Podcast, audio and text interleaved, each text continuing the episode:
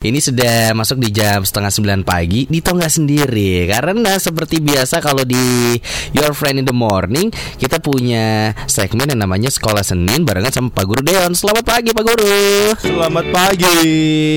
Apa kabar, Pak Guru Deon? Baik, gloomy banget ya rasanya ya. Bumi ya Aduh, enaknya akhirnya Jogja hujan. Nah. Walaupun rumah saya belum hujan. Sama rumah saya juga Eh udah deh tadi pagi Berarti Pak Guru nggak kehujanan rumahnya sekali. Makanya begitu masuk Jogja tadi, wih, kok udah basah? Apakah ada penyiraman secara berkala? Ah, ah, ah. Ternyata sampai kantor dapat kabar ternyata udah hujan ya tadi tadi subuh ya. Sudah tadi sekitar jam 1 sampai jam 2 di beberapa titik lah Oke. Termasuk rumah Dito nih Pak Guru Aku kaget juga tadi pagi pas berangkat lah Kapan hujan ya berarti Tidur saya nyenyak sekali, Banyak sekali.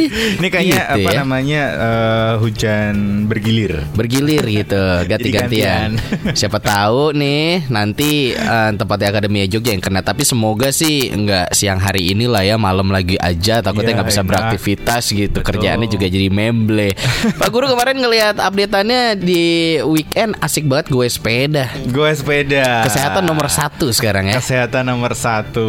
Asik, Itu asik, juga asik. dengan teman-teman suara gama. Ha-ha. Jadi kita punya komunitas namanya Suara Goes. Asik. Baru track pertama ya Baru kemarin. track pertama langsung 20-an kilo eh, apa namanya perjalanan Jauh juga. jauh juga. 20-an Jadi kilo kita ya. kemarin kebetulan mampir ke rumahku Ha-ha. ke daerah Prambanan. Prambanan. Jadi kita berkunjung ke beberapa candi sambil foto-foto biasalah. Tetap eksis lah. Seru seru seru Sambil seru. foto-foto sambil kulineran eh, banyak bertujuh berdelapan orang. Iya iya iya namanya olahraga juga ternyata efeknya banyak banget ya salah Betul. satunya yang tadinya kita orang yang emosian tapi karena akhirnya menyehatkan tubuh terdapat Iya. jiwa yang sehat akhirnya sekali. bisa berkurang segala stres juga bisa berkurang. Sama seperti pembahasan hari ini kita pengen belajar apa nih Pak Guru? Oke, hari ini kita punya tema yang menarik nih, yang mungkin sudah eh, beberapa kali sudah sering diucapkan ya di luar Mm-mm, sana ngomongin tentang pilih nomor tiga.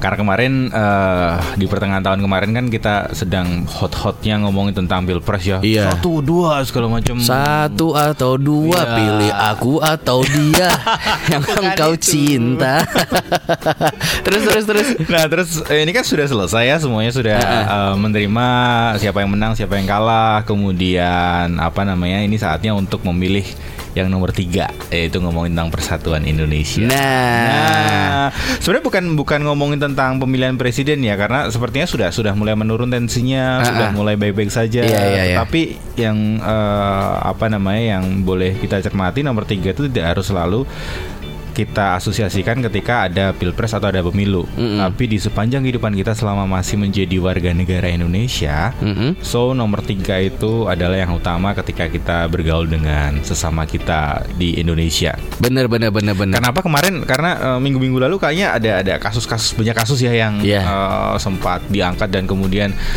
ketika saya baca dan mendengar itu kayaknya kok uh ngeri ya. Iya Ada dua kasus yang kemarin saya cermati. Yang pertama kasus tentang ya ini kasus yang saya tidak akan bahas karena ini agak sedikit sensitif. Mhm, Kasus seorang apa namanya eh, pemimpin agama yang kemudian video lamanya kemudian Iya, diunggah kembali benar, dan benar. sempat jadi pro kontra di dalamnya. Yes, uh-uh. Ya itu itu urusan agama agak sedikit sensitif. Uh-uh, uh-uh. Yang saya ingin cermati adalah kasus kedua, kasus di mana eh, saudara-saudara kita yang dari Papua Iya yang kemarin sempat apa namanya sedikit bergejolak karena eh, mungkin ada salah paham ya. Ya bener Salah- Miskomunikasi sebenarnya miskomunikasi, salah paham, terus kemudian hal-hal yang sebenarnya tidak tidak harus dilakukan, kemudian dilakukan, Mm-mm, diucapkan, mm-mm, disampaikan, sehingga kemudian banyak perasaan yang terluka karena ucapan-ucapan itu, karena tindakan-tindakan itu. Makanya, ayo dong sega- eh, sebagai apa ya, Akademi Jogja khususnya Mm-mm. atau sebagai generasi penerus bangsa lebih hati-hatilah ketika ada kasus yang kemudian muncul eh, lebih hati-hati bersikap. Iya benar benar. Makanya eh, satu hal yang saya ingin tekankan di sini adalah ngomongin tentang kalau Akademi Jogja pernah baca Seven Habit Mm-mm. bukunya Stephen almarhum Stephen Covey. Mm-mm. Dari tujuh habit, tujuh kebiasaan yang membuat kita menjadi manusia yang oke, menjadi manusia yang efektif itu nomor satunya adalah ngomongin tentang menjadi proaktif, be Oke. proaktif. Nah, kita akan membahas tentang be proaktif sebenarnya.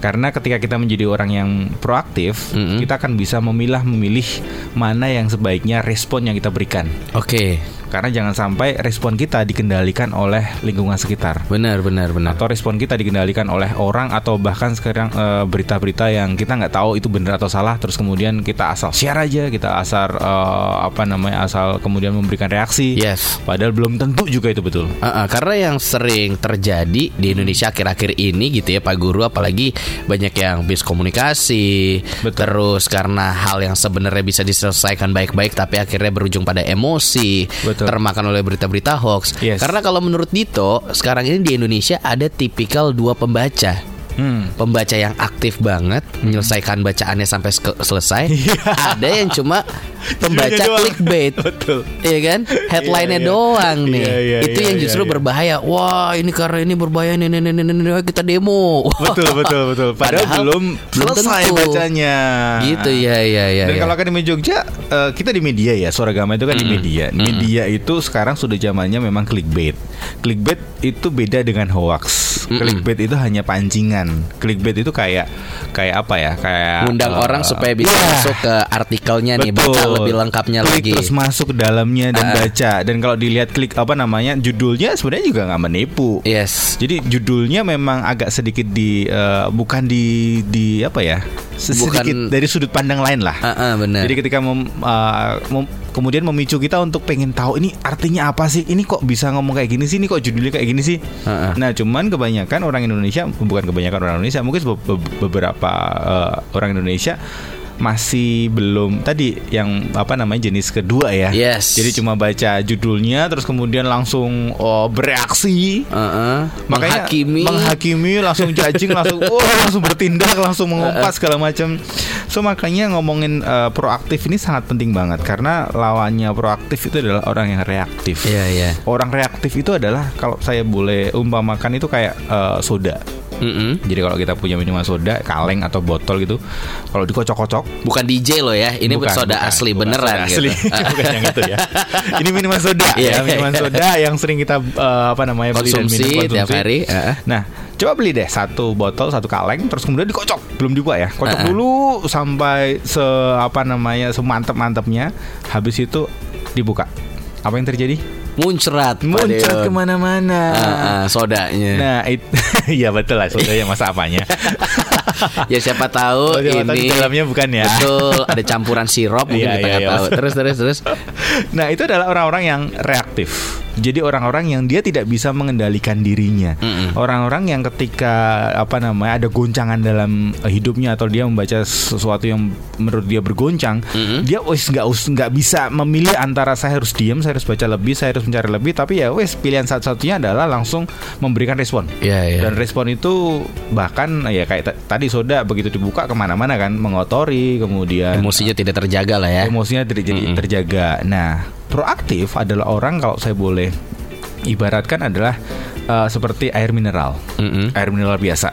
Air mineral biasa kalau kita kocok se sehebat se- dua hari dua malam tujuh hari tujuh malam segala macam dan begitu kita buka apa yang terjadi? Ya kalem, Ya kalem gitu-gitu biasa aja. saja, nggak akan muncrat ke mana-mana. Uh-uh. Nah itu adalah proaktif. Walaupun jadi proaktif tuh ngomongin, walaupun eh, keadaan atau kita baca sesuatu yang wah itu membuat kita bergunjing, Uh-uh. tapi tetap kita bisa memilih eh, opsi untuk oke calm down, oke tenang dulu, oke santai dulu.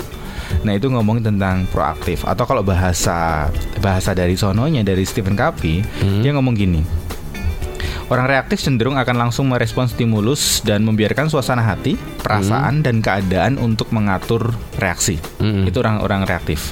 Tapi kalau orang proaktif, eh, dia akan berpikir se- eh, sejenak tindakan apa yang akan dilakukan untuk merespon stimulusnya. Mm. Perilaku yang diambil adalah fungsi dari keputusan dan bukan akibat dari kondisi kita. Kekuatan kebebasan dan kemampuan kita untuk memilih respon sesuai dengan prinsip dan nilai kita. Oke. Itu ngomongin tentang proaktif. Proaktif.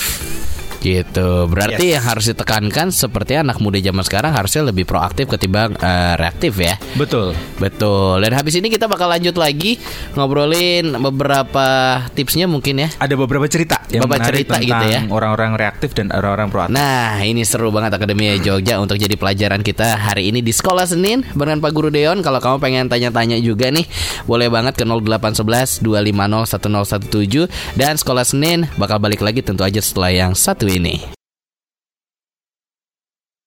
Masih di Sekolah Senin barengan Dito Sanda dan juga Pak Guru Deon ya. Hari ini kita lagi ngebahas tentang pilihan nomor tiga. Tiga betul. Tiga ya, Pak Guru ya. Dan untuk memilih nomor tiga itu harus proaktif. Nah, proaktif. Tadi juga udah sempet diceritain sedikit gitu tentang em, proaktif harus kayak gimana dibandingkan sama yang reaktif gitu Betul. ya.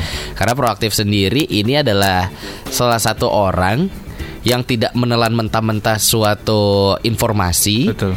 dan nggak termakan cepat oleh emosi Iya, iya, gitu. iya, iya. Dibandingkan sama reaktif yang sekalinya dapat informasi bikin kaget, guncangan sedikit, wah langsung Langsung ngamuk-ngamuk. ke mana-mana, betul. Bikin masa segala macam. Pas udah ditangkap, video klarifikasi. Iya kemarin karena emosi. Seperti itu ya. ya kan malu ya. Eh, eh, eh. Tapi ada cerita-cerita yang em, bisa kita pelajari juga nggak sih Pak Guru dari Oh, banyak, banyak. tentang proaktif ini sama juga reaktif ini? Banyak. Mungkin A- Akademi Jogja juga pernah mengalami kali ya. Intinya adalah orang reaktif itu adalah orang yang ketika ada stimulus kita langsung bertindak dan ketika selesai dengan tindakan kita, kita kemudian menyesali. Hmm. Kenapa sih aku tadi ngomong ini? Aduh, kenapa sih tadi aku melakukan itu? Nah, itu ngomongin tentang reaktif. Reaktif. eh. Nah, salah, salah satu kasusnya adalah ada seorang eh, apa namanya pakar psikologi namanya Viktor Frankl. Viktor Ah. Frankl itu dia adalah seorang psikolog eh, dan dia hidup di zaman Perang Dunia Kedua Oke. ketika Nazi ya. Mm-mm. Nazi Jerman dan dia masuk ke camp eh, apa namanya konsentrasi. Oke. Dia masuk di camp konsentrasi bersama istri dan keluarga besarnya, anaknya juga. Yang menarik adalah ketika camp selesai, dia adalah orang yang selamat, survivor lah. Mm-mm. Tapi dia adalah sebagian kecil dari orang selamat yang secara mental jiwanya itu masih baik-baik saja Oke. dibanding dengan, dengan yang lain. Banyak orang yang masih selamat tapi kemudian mentalnya uh, drop, kemudian jadi uh, stres, gila segala macam karena kita tahu sendiri ke kekejaman waktu itu Jerman seperti apa. Iya, uh. Dan, dan ketika ditelusuri dia ngomong gini, waktu itu waktu aku masih di kamp konsentrasi setiap pagi kita selalu dibariskan di sebuah lapangan. Dan kemudian si pimpinan uh, dari Jerman itu dia akan langsung nunjuk kamu kamu kamu kamu kamu kamu kamu kamu kamu dan orang-orang yang ditunjuk itu langsung masuk ke dalam sebuah uh, ruangan dan apa yang terjadi Uh. dibakar Oh my god. dibakar kemudian habis dibakar hidup-hidup kemudian orang-orang yang selamat tadi yang tidak ditunjuk tadi ada uh, harus masuk ke ruangan tersebut untuk apa untuk membersihkan sisa-sisa potongan yang Temannya sendiri. ya temannya sendiri keluarganya sendiri anaknya sendiri dan dia ngomong istri saya anak saya juga termasuk di dalamnya Aduh, kejam sekali. Terus dia cerita kenapa aku bisa bisa hidup? Karena aku uh, adalah orang yang selalu dia dia ngomong gini "Eh, apa pun yang terjadi Mm. salah satu kebebasan yang tidak bisa diraih, tidak bisa direbut uh, oleh orang lain adalah kebebasan memilih. Dalam kondisi apa pun kita selalu bisa memi- uh, punya kebebasan untuk memilih respon apa yang kita berikan. Mm.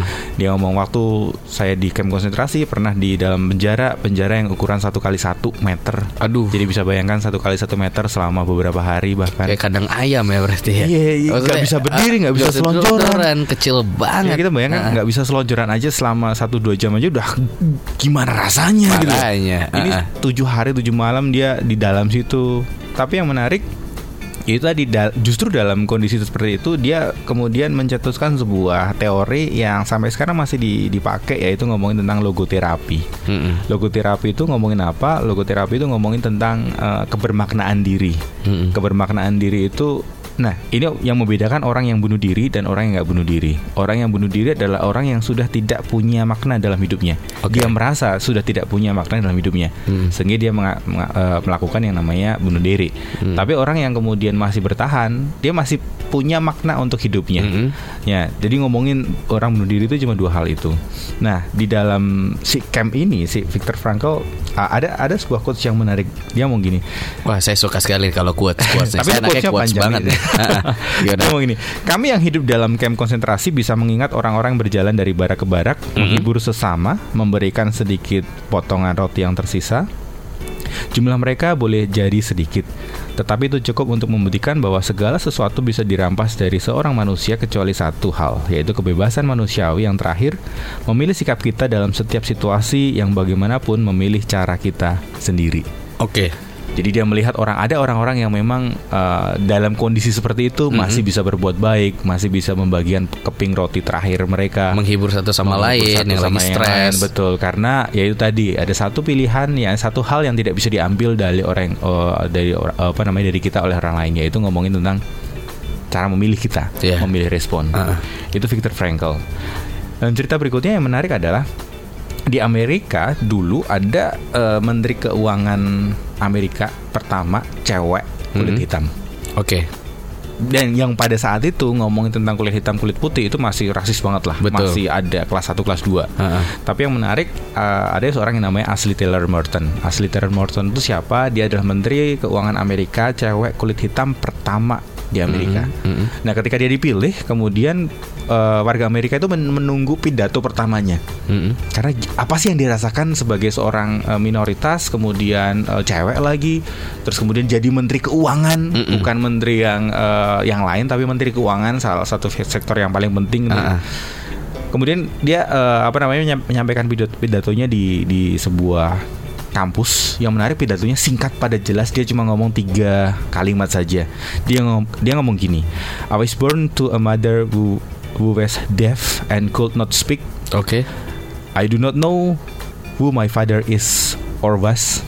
And then the first job I ever had was in a cotton field. Jadi dia ngomong, "Eh, aku dilahirkan oleh ibu yang bisu tuli, Mhm. tidak bisa ngomong. Saya tidak tahu ayah saya di mana sekarang, apakah masih ada atau enggak. Terus dia ngomong, "Eh, pekerjaan pertama saya adalah buruh eh, katun. Katun itu kapas. Iya. Nah, buruh kapas itu adalah pekerjaan yang paling hina lah di sana untuk orang-orang kulit hitam Di masa itu. di masa ya. itu Heeh. eh, perbudakan. Mm-mm. Dan dia ngomong saya terus kemudian dia mengakhiri saya asli Taylor Morton dan saya menteri Amerika Serikat. Cukup memotivasi ya dari quotes-nya itu. Menarik ya. Jadi tidak peduli latar belakangmu asal kita adalah men- eh, bisa menjadi orang yang proaktif, orang yang memilih eh, pilihan kita sendiri daripada kita hanya kan banyak ya orang yang hanya menyalahkan ya kak bapak ibuku kan orang yang pemarah Mm-mm. jadi ya ya aku pemarah ya, ya ya jangan salahkan aku Iya, salahkan bapak ibuku karena memang mereka pemarah Mm-mm. terus kemudian banyak orang juga ngomongin eh, jangan salahkan aku kalau aku ngomong eh, sering ngeja- ngejudge, sering menghakimi.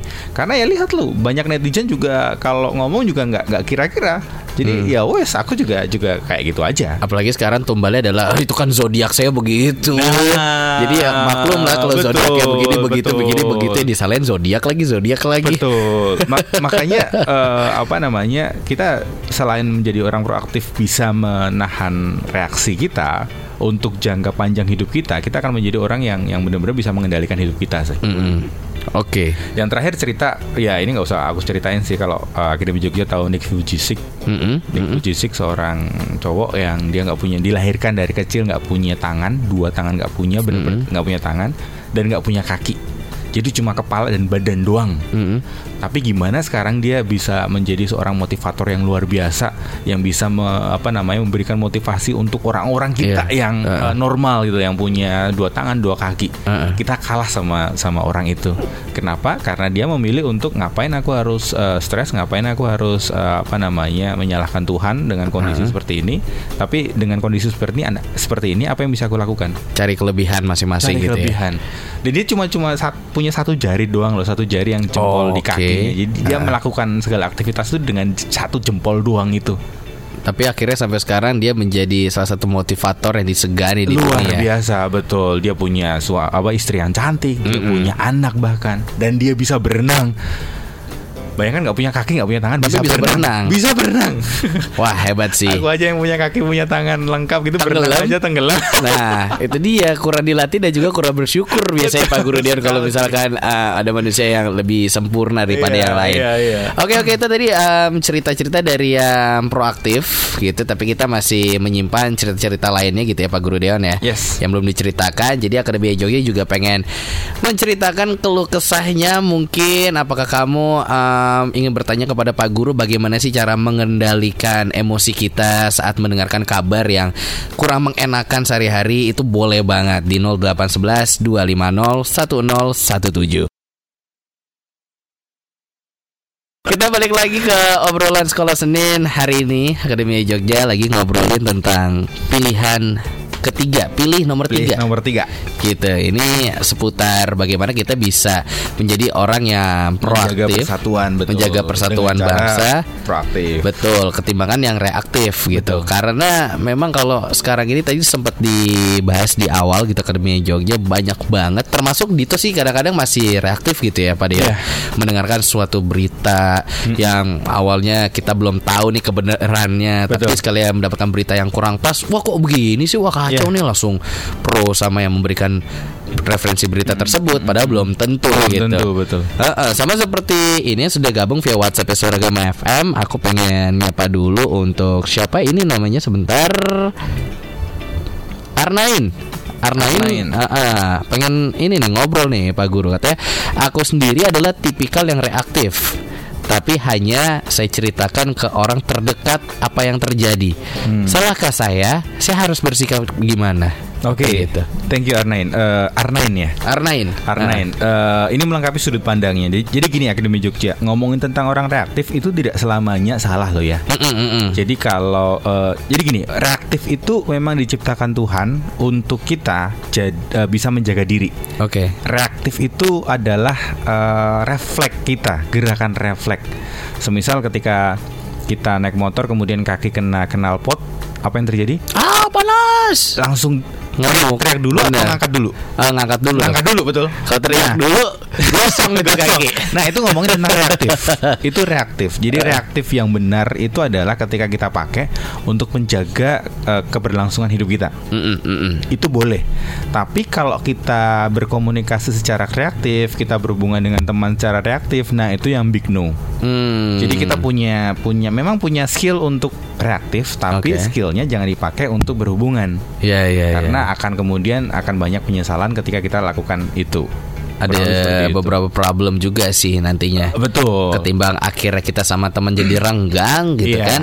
Karena bahkan sering nggak sih Akademi Jogja keceplosan sekalimat gitu terus kemudian aduh salah nih Sering, ngomong. sering, sering. sering banget. Nah itu kadang eh, apa namanya salahnya itu reak- reaktif dipakai untuk berhubungan tuh kayak gitu. Ah, ah, sering Pak Guru terjadi itu. Iya kan? Aku kadang-kadang sampai rumah mikir aduh salah nggak ya tadi bilang I love you Iya. gitu. Reaktif kan. iya iya iya iya betul terbawa emosi itu ya. Terbawa emosi. Wah ini kayaknya kayak yang bersambut wah ternyata aduh salah. ilfil gak ya segala macam. Oke oke oke terjawab untuk Arnain tapi ada nggak sih Pak Guru tips-tipsnya sendiri gitu agar kita bisa menghindari lah sikap reaktif ini di Oke. dunia kita sehari-hari berkomunikasi sama banyak orang segala macam lebih ingin menimbulkan yang proaktif gitu Iya. ketimbang yang reaktif. Sebenarnya caranya simple banget sih. Hal yang pertama yang dilakukan adalah ketika ada stimulus, Mhm. ya kita harus stop dulu, berhenti dulu, Mhm. jangan langsung berikan respon, berhenti dulu. Ada penelitian yang menunjukkan eh, kapan kita dikatakan reaktif, kapan di- kita dikatakan proaktif, ketika kita memberikan respon kita Mhm. lebih dari enam detik. Oh gitu. Jadi ketika eh itu gendut amat sih. Satu, Hmm, dua, tiga, empat, lima, enam. Emang. Nah. Nah, cuman 6 detik itu bukan kemudian kita bersiap-siap untuk memberikan eh, respon, enggak, tapi 6 detik itu jadi stop dulu awalnya, Eh. kemudian selama 6 detik atau bahkan lebih, coba pikirkan sebanyak-banyaknya respon apa yang bisa kita berikan. Mm, mm. Jadi kan misal, eh Dito kok gendut banget sih? Oke, responnya apa? Yang pertama mungkin tersenyum, kemudian yang kedua gaplok, yang ketiga eh, bales, kamu kok juga tambah gendut? Ah. Yang ke- ya keempat apa? Yang kelima apa? Yang keenam apa? Sebenarnya mungkin. Uh, uh. Oke, terus kemudian yang berikutnya adalah ngomongin tentang oke, coba pikirkan, coba bayangkan ketika kamu berikan respon itu kira-kira apa yang terjadi. Hmm. Semisal e, Dito gendut banget sih. Oke, kalau aku senyum kira-kira apa yang terjadi ya? Kalau aku bales kamu kok gendutan juga apa yang terjadi? Kalau aku diem apa yang terjadi? Kalau aku gaplok apa yang terjadi? Kalau aku gini apa yang terjadi? Oke, jadi kita sudah berhenti dulu, kemudian kita memikirkan eh, apa namanya pilihan respon kita dan pilihan respon itu juga dipikirkan akibatnya. Iya, iya. Jangan cuma cari pilihannya kemudian asal ambil enggak, tapi pikirkan juga akibatnya. Yang terakhir adalah pilih, tapi pilihnya dengan hati nurani tentunya. Jadi ketika semisal ada banyak pilihan, kita sudah tahu kemungkinan apa namanya hasilnya seperti apa, ya sudah mana yang menurut kita dengan prinsip eh, prinsip kita nilai kita paling oke, paling pas, Mm-mm. ya pilih itu. Yang cocok jawabannya yang cocok ya. betul. Ah. Sebenarnya sesimpel itu sih. Ya, ya, ya, ya. Sesimpel itu. Dalam arti ya ketika kita lakukan ya eh, apa namanya ketika kita berhubungan dengan orang jangan kemudian sering-sering kita berikan respon reaktif kita Iya, karena akan membuat eh, orang nggak nyaman. Uh, uh. Terutama ketika kita mengaplikasikannya di medsos. Betul. Wah, itu agak mengerikan ya. Apalagi dalam keadaan yang kita pengen tanyakan ini orangnya lagi bad mood lagi. Betul, Itu kan betul. kadang reaktif bisa mungkin 90% ada di dalam diri kita. ya. Iya. Lebih ke refleks jawabnya. Betul, apalagi kalau ngomongin medsos, ngomongin chatting segala macam kan nggak ketemu orangnya ya. Nah. Cuma baca tulisannya ya. Itu. tulisannya eh, semisal eh, kita cuma nulis eh, Dito kamu kelihatan gendut ya sekarang Mm-mm. Kalau kita cuma baca tulisan kita bisa me- menadakan itu macam-macam Iya, betul iya. ya Ah. kita bisa baca itu sambil Ih Dito kamu kok gendutan sih Ah, ah. atau mungkin eh Dito kok, Kok kamu gendutan gendutan sih kan nggak nggak ketemu orangnya nggak denger suaranya cuma baca tulisannya Theater of mind lah Iya pokoknya theater kita. of mind-nya kan akan Ah, macam-macam kan bergeraknya ke mana. so hati-hati ketika menulis sesuatu di uh, media sosial atau ketika kita membalas uh, chatting orang di grup ataupun uh, secara personal Mm-mm. jadi kalau semisal itu kita apa namanya uh, itu ngomongin tentang hal yang sensitif coba deh boleh diketik dulu kalau kalau di tipsnya itu gini kalau semisal ada sesuatu yang kita pengen langsung respon nih Hmm.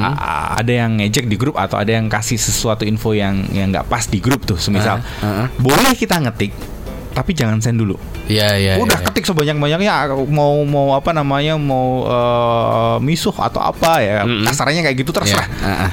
sudah selesai ngetik jangan di send dulu Betul. coba baca dulu Diteliti lagi nih. Diteliti ada kata-kata yang menyinggung Betul. atau yang eh, provokasi Yes. atau tidak dilihat dulu. gitu. Iya, jadi Ah. dibaca dulu, dilihat dulu dari sudut pandang orang. Kalau aku ngirim ini ada orang yang tersinggung nggak? Ada orang yang kemudian eh, merasa nggak enak nggak? Atau Ah. a- apa ini? Nah, kalau sudah yakin bahwa oke semuanya baik-baik saja, baru send. Jangan kirim dulu. Itu kalau ngomongin tentang media sosial. Betul, Apalagi eh, beberapa waktu lalu kan banyak ya kasus-kasus yang kita kayaknya eh, gampang banget terprovokasi. Bener. Masih kan nggak sih kasus eh, apa ya, yang bully anak-anak anak dibully yang kemudian dikeroyok sama Oh teman-temannya. iya, ah, ah, yang Justice. kasus anak Audrey, Audrey. Audrey, Audrey, betul. SMP atau SMA gitu. Iya, iya. Ah, ah, ah, masih masih tahun kemarin, eh tahun ini tahun ini justru. tahun ini Ah, tahun ini ah. kan 2009 itu kan apa namanya eh, viral banget ya dan semua orang mendukung Audrey wow bahkan Pak Presiden pun itu sampai memberikan statement loh tapi ternyata berjalan waktu ternyata itu nggak Terungkap nggak nggak kasusnya. semu- nggak semuanya benar yang Iya. dikatakan Heeh. nah itu ngomongin tentang reaktif ketika kita di media sosial jadi ketika anda melihat satu dua wow ya ya ya ikut ikut semua nah, makanya di Au- Audrey itu aku sama sekali nggak nggak menyinggung Audrey-nya kalau di medsosku aku Mhm. sama sekali nggak menyinggung Audrey-nya tapi aku menyinggung tentang aku nggak setuju dengan bullying Iya. is enough Heeh. tapi kasusnya kita nggak tahu kebenarannya seperti Benar, apa karena kita nggak ada di Nggak ada di lokasinya, lokasi, betul. tidak tahu persisnya, tidak kenal Betul. orangnya seperti Iya. apa, hanya lewat berita aja, jadi ya Betul. masih simpang siur nih. Yes, atau bahkan dulu eh, pas pilpres juga kita tengah kenal ya seorang eh, ibu-ibu yang kemudian mengaku dipukuli. Yes. Itu kan sempat me- mengguncang apa namanya pemilu ya. Nah, semakin kegoyang juga akhirnya. Karena itu tadi reak- reaktif tadi. reaktif tadi gitu. Jadi kita harus hati-hati di internet sangat-sangat hati-hati Akademia Jogja. Ini kita masih ada lagi tips saya Pak Guru ya. Yes. Habis ini bakal dibahas terakhir. Jadi jangan ke mana-mana Akademia Jogja. Tetap di Your Friends in the Morning. This is Suara Gama.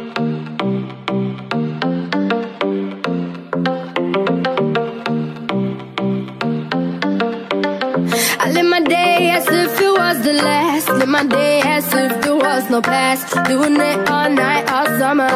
Doing it the way I wanna. Yeah, I'ma dance my heart out till the dawn. But I won't be done when morning comes. Doing it all night, all summer. Gonna spend it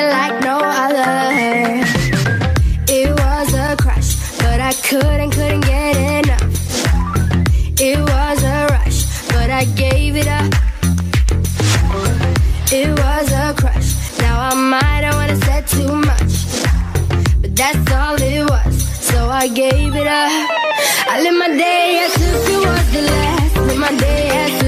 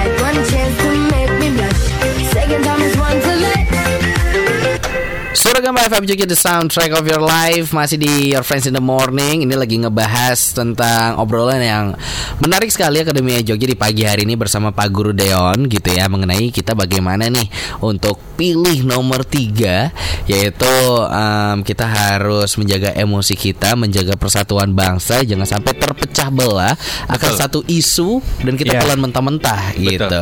Kasus yang Papua kemarin kan eh, diawali dengan ditemukan apa bendera merah putih Ah, ah. yang diselokan, terus kemudian nggak tahu ada orang yang kemudian eh, menyebarkan berita bahwa ini yang melakukan adalah teman-teman di asrama Papua, kemudian digeruduk segala macam, yang ternyata nggak terbukti. Betul Ya kan? Nah itu ngomongin tentang reaktif yang kita mungkin orang itu memang eh, orang yang menyebarkan itu memang niatnya jahat kalian, niatnya Mm-mm. jelek ya.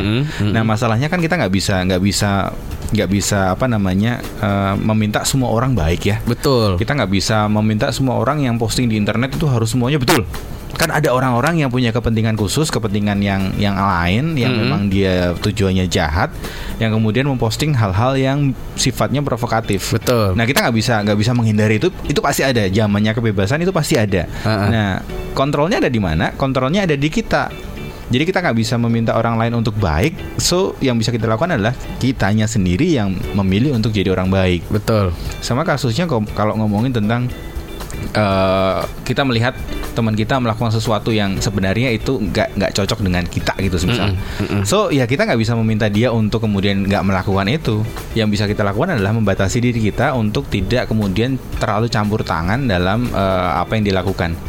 Intinya adalah boleh benci perbuatannya, tapi jangan benci orangnya Nah, intinya gitu semisal aku sama Dito aku aku nggak suka Dito kalau semisal makan itu nggak diberesin Mm. semisal Mm. ya wes itu doang tapi aku masih senang dengan Dito betul betul. ya mungkin sesekali aku juga bisa bisa bisa kasih nasihat juga ke Dito tapi sekali lagi kadang ketika orang dikasih nasihat itu nangkepnya beda apalagi sama orang yang belum kenal Iya iya. iya. Contoh kasus ketika semisal eh, kemarin ada ya eh, apa namanya satu orang yang dia berpenampilan cukup terbuka memang. Mm-mm. Terus kemudian banyak orang yang kasih kasih saran untuk coba dong tutupi segala macam.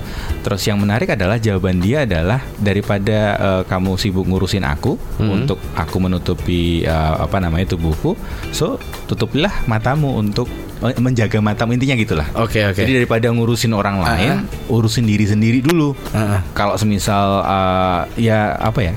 Bang Napi dulu masih kan gak sih? Iya, iya, Kejahatan iya. karena ada kesempatan. Waspadalah waspadalah. Waspadalah, waspadalah. Di mana pun Padahal- dan juga kapan pun. gitu Iya, ya. padahal di sisi sisi lain juga ngomongin tentang ya bukan cuma kesempatan toh semisal let's say ya kita lagi jalan-jalan terus ada motor di situ ada kuncinya tuh Mm-mm. masih nyantol tuh. Mm-mm. Kalau kitanya nggak jahat ya ya nggak akan diambil. Betul. Jadi eh, kontrolnya itu semuanya ada balik di kita, di eh, pribadi kita. Niatan kita Niatan sendiri. kita sendiri.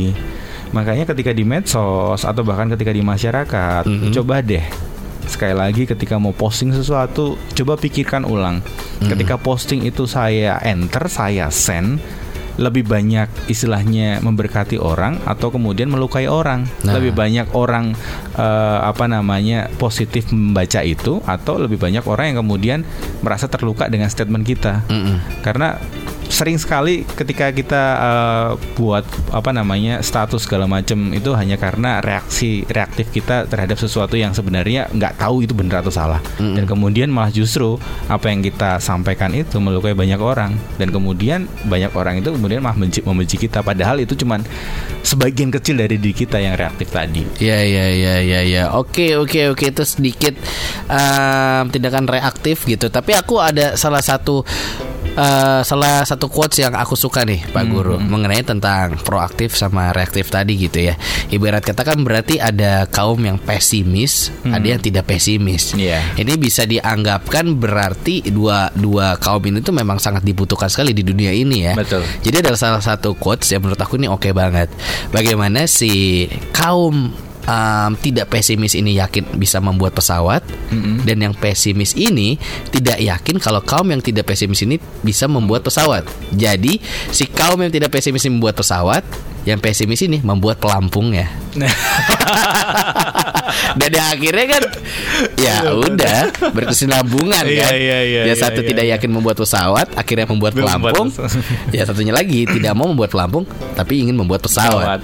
Ya sampai kapan pun juga selalu ada gesekan ya. Tinggal Betul, kitanya aja nih bagaimana Iya. mengambil posisi untuk ya setidaknya jangan sampai karena kasus reaktif tersebut akhirnya Hmm. bisa menyebarkan banyak berita yang tidak baik. Betul.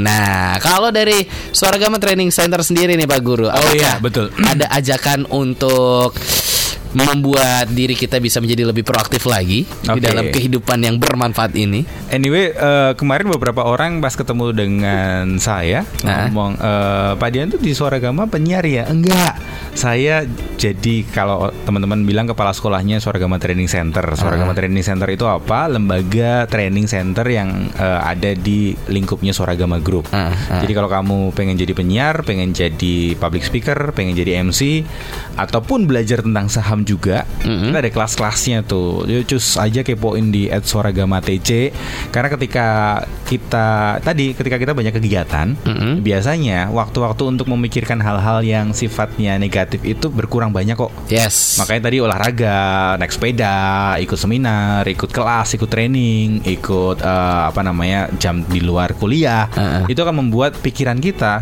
ter- eh, terlalu sibuk untuk memikirkan hal-hal yang receh, Mm-mm. terlalu sibuk untuk memberikan reaksi-reaksi kita yang sebenarnya itu eh, receh banget lah. Hmm, Jadi persibuk diri kita dengan sesuatu yang mengembangkan diri kita supaya akhirnya kita akan jadi pribadi yang lebih jauh lebih baik. Wih. Seperti itu. Oke, jadi bisa langsung gabung aja ke Suargama Training Center. Yes. Kalau Akademi Jogja pengen jadi announcer atau Yeah. mungkin ingin belajar public speaking, Yes. atau tadi ingin belajar saham, bisa langsung Yeah. kontak ke mana Pak Guru? ke 0856 2727 323 atau di websitenya at suaragamatc.com dan terakhir pengumuman terakhir ini pengumuman yang uh sepertinya membuat banyak orang kemudian berdoyong-doyong untuk ikut radio announcernya Suaragama Training Center Nah, ini kenapa ada kabar apa nih? karena gini so mulai hari ini mulai bulan ini sebetulnya setiap akademi Jogja yang ikut di eh, apa namanya trainingnya radio announcer yang langsung dibawahi oleh Dito juga Uh-uh. Dito Dito jadi Saya baru tahu juga loh ini Akademi Jogja. Baru banget deh. Terus Oke, setiap akademi Jogja yang ikut eh, radio announcer Anda bisa siaran di Suaragama FM Wih, siarannya seperti apa tuh nanti bakal Ah, diinfokan yes, lagi ya. Betul. Jadi nggak nggak- hanya cuman uh, belajar dan hanya nggak hanya cuma video visit, tapi benar-benar bisa didengarkan oleh seluruh akademi Jogja yang ada di Jogja bahkan di seluruh Indonesia ya. Jadi bisa mencontoh, eh, bisa um, belajar, betul. mengaplikasikan Betul, juga lah. Betul sekali. Nggak cuma teori, teori, teori Yes. dan juga teori. Ya. Oke, langsung bisa daftarin diri kamu Akademi Jogja yang pengen belajar jadi announcer di Suaragama Training Center bisa banget karena plus kamu bisa langsung praktek ya siaran di Suaragama FM. Oke, kalau gitu terima kasih Pak Guru Deon. Terima kasih Dito. Obrolannya seru sekali hari Yes. ini. Berdoa juga untuk Cici supaya cepat sembuh. Amin, amin, amin. Dut, cepat sembuh ya, Dut. Ini lagi dengerin loh dia, Pak Guru. Eh, eh, kalau gitu terima kasih. Have a nice day, Pak Guru. Bye.